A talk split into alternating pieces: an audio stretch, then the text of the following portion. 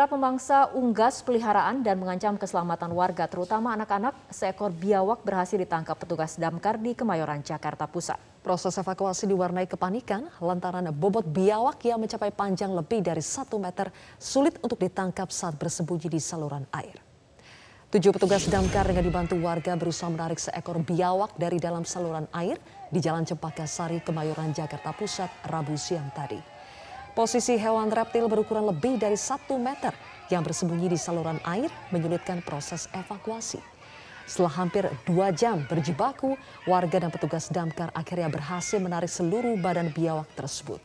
Selain kerap memangsa unggas peliharaan warga, keberadaan biawak berukuran jumbo di tengah permukiman padat itu juga sangat meresahkan karena bisa mengancam keselamatan warga, terutama anak-anak. Agar tidak lagi meresahkan dan mengganggu keterangan warga, biawak berukuran besar ini selanjutnya dibawa petugas ke kantor damkar sektor Kebayoran.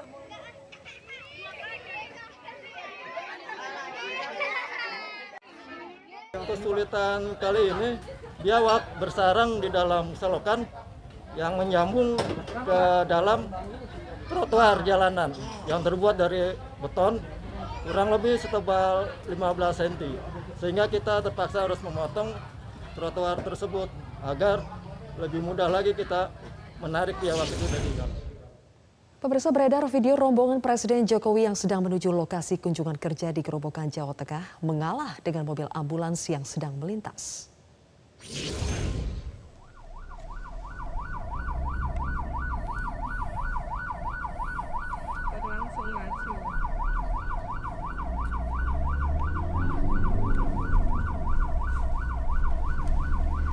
Beginilah situasi di mana rombongan pas pampres yang mengawal Presiden Jokowi berhenti sejenak untuk memberi kesempatan mobil ambulans melintas. Presiden Jokowi hari ini memang sedang ada kunjungan kerja di Grobogan Jawa Tengah, di antaranya menyaksikan vaksinasi anak di SDN 3 Linduk Grobogan. Aksi rombongan Presiden Jokowi memberi kesempatan ambulans melintas ini bukan yang pertama kali. Sebelumnya pada Agustus lalu, rombongan Presiden memberi kesempatan ambulans melintas saat kunjungan kerja di Samarinda, Kalimantan Timur.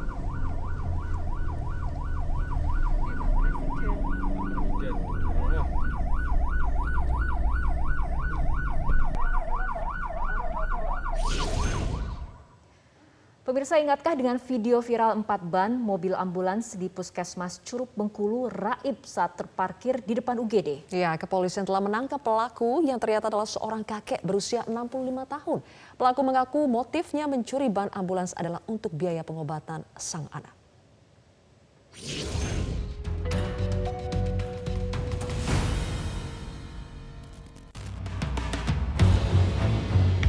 Pencurian empat ban mobil ambulans milik Puskesmas Curup, Rejang Lebong Bengkulu yang sempat viral di media sosial akhirnya terungkap. Pelakunya ternyata seorang kakek.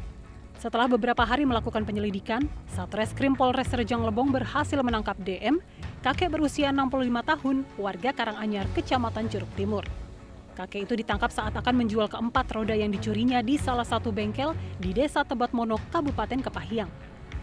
Terkait motif pencurian, Kasat Reskrim Polres Rejang Lebong AKP Samson Sosa Hutapea mengungkap DM nekat mencuri ban ambulans untuk biaya pengobatan anaknya yang tengah sakit.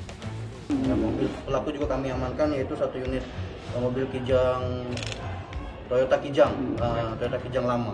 Ini digunakan pelaku bang ya? Yang digunakan pelaku. Ada indikasi bang TKP lain bang yang informasikan ada juga di TKP lain terjadi untuk uh, pencurian uh, Sampai saat ini uh, penyelidikan dan pengakuan pelaku baru satu TKP tersebut. Dan memang dilatar belakangi masalah ekonomi. Ekonomi untuk apa nih bang? Alasannya ini? Nah, kalau alasan pelaku untuk membiayai anaknya yang sedang sakit. Samson mengatakan DM melakukan aksinya pada Rabu malam 29 Desember 2021. Tersangka beraksi seorang diri dengan cara memanjat tembok puskesmas, lalu mencopot keempat roda ambulans dan memasukkannya ke mobil pribadinya. Data kepolisian mengungkap, DM sebelumnya pernah terjerat kasus yang sama beberapa tahun lalu.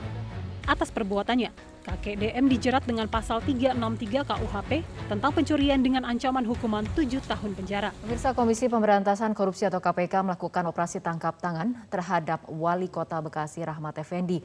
Selain Wali Kota, sejumlah pejabat lainnya juga terjerat OTT KPK. Wakil Ketua KPK Nurul Gufron membenarkan pihaknya telah melakukan pemeriksaan terhadap sejumlah pihak yang terjerat OTT KPK di Bekasi, Jawa Barat, termasuk Wali Kota Rahmat Effendi. Namun KPK belum memberikan keterangan dugaan tindak pidana korupsi apa yang dilakukan oleh sejumlah pejabat pemerintahan di Kota Bekasi. Saat ini sejumlah pejabat tengah diperiksa oleh tim penyidik KPK. Lembaga anti korupsi punya waktu 1 kali 24 jam untuk menetapkan tersangka dalam tangkap tangan ini. KPK akan membeberkan para tersangka melalui konferensi pers.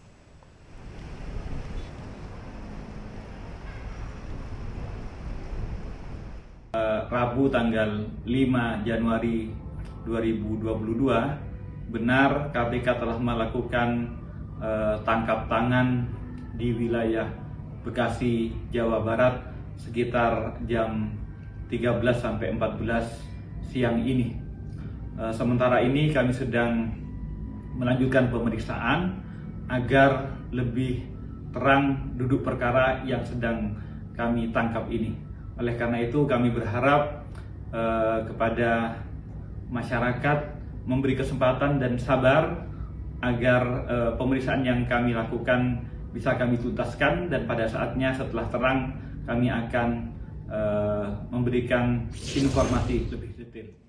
Wakil Gubernur DKI Jakarta Ahmad Riza Patria mengatakan jika kasus COVID-19 varian Omikron di ibu kota bertambah menjadi 252 kasus, penularan kasus Omikron mayoritas berasal dari pelaku perjalanan luar negeri.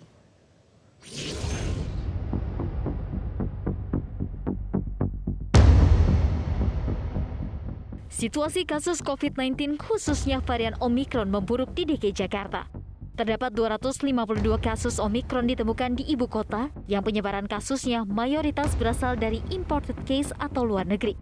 Wakil Gubernur DKI Jakarta Ahmad Riza Patria mengatakan, setidaknya ada 239 kasus Omikron yang terdata di Jakarta melalui pelaku perjalanan luar negeri dari Bandara Soekarno-Hatta dan sisanya 13 kasus merupakan transmisi lokal.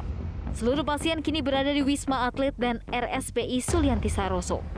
Agar tidak terjadi gelombang ketiga, Riza meminta warga Jakarta mematuhi protokol kesehatan, khususnya mengenakan masker saat berada di luar rumah. DKI Jakarta 252 ya. Yang dari kasus impor 239 kasus, transmisi lokal 13 kasus. Seluruhnya berada di Wisma Atlet dan Rumah Sakit PI Suroso. Semua warga Jakarta hati-hati yang berpergian, terlebih yang pergi ke luar negeri. Jadi yang masih di luar negeri, mohon menjadi perhatian di sana jangan sampai lepas masker, tidak merasakan protokol kesehatan di luar negeri, tahu-tahu nanti di sana terkena Omikron, kemudian masuk Jakarta membawa Omikron. Semuanya Demi mencegah penularan COVID-19 varian Omikron, Kepala BNPB Letjen TNI Suharyanto bersama sejumlah pihak terkait melakukan sidak di sejumlah hotel tempat karantina di Jakarta. Pihaknya melaksanakan pengecekan secara mendadak guna mencegah terjadinya pelanggaran-pelanggaran kekarantinaan. Eh, menjaga jangan sampai terjadi pelanggaran-pelanggaran. Misalnya adanya karantinaan yang seharusnya 10 hari dan 7 hari untuk saat ini tetapi tidak selama itu kemudian sudah bisa keluar. Kemudian mungkin juga ada yang masuk di dalam kamar bukan seperti yang terdaftar di e, kekarantinaan. Tetapi begitu kami cek tadi tidak ditemukan seperti itu, semuanya sudah sama dengan orang yang masuk dengan ada yang di dalam kamar sama, kemudian juga dari jumlah hari juga e, sesuai ketentuan, bahkan ketentuan 10 dan 7 hari rata-rata mereka belum tahu, tahunya masih 14 dan 10 hari. Pemprov DKI memberi perhatian pada daerah-daerah yang terjadi penularan COVID-19 varian Omikron.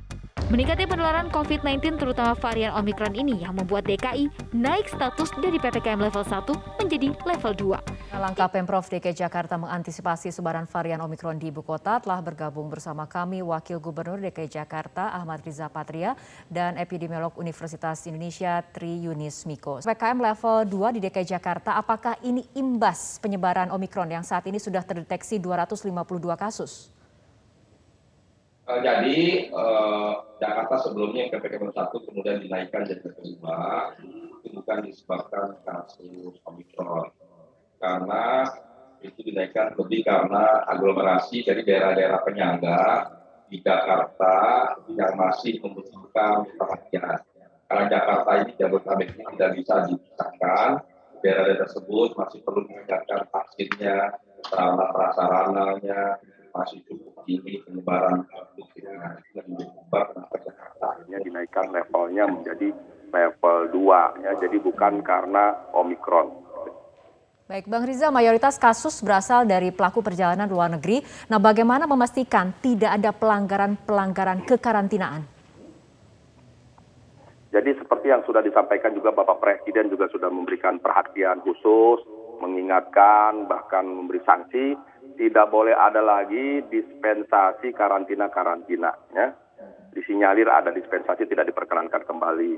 Mudah-mudahan ke depan ini kan sudah ada kebijakan yang tadinya 7, 10, naik 14, sekarang kembali ke 7. Mudah-mudahan dengan 7 hari bisa dipatuhi, ditaati semua warga yang masuk ke Indonesia, khususnya ke DKI Jakarta, bisa patuh taat melaksanakan karantina selama tujuh hari sesuai dengan ketentuan peraturan yang baru. Dan kemudian nanti ada prosesnya harus dilalui, ada tes PCR dan lain sebagainya. Memastikan semuanya kembali dalam kondisi sehat, kemudian nanti bisa kembali ke keluarga, ke aktivitas hari-hari selanjutnya.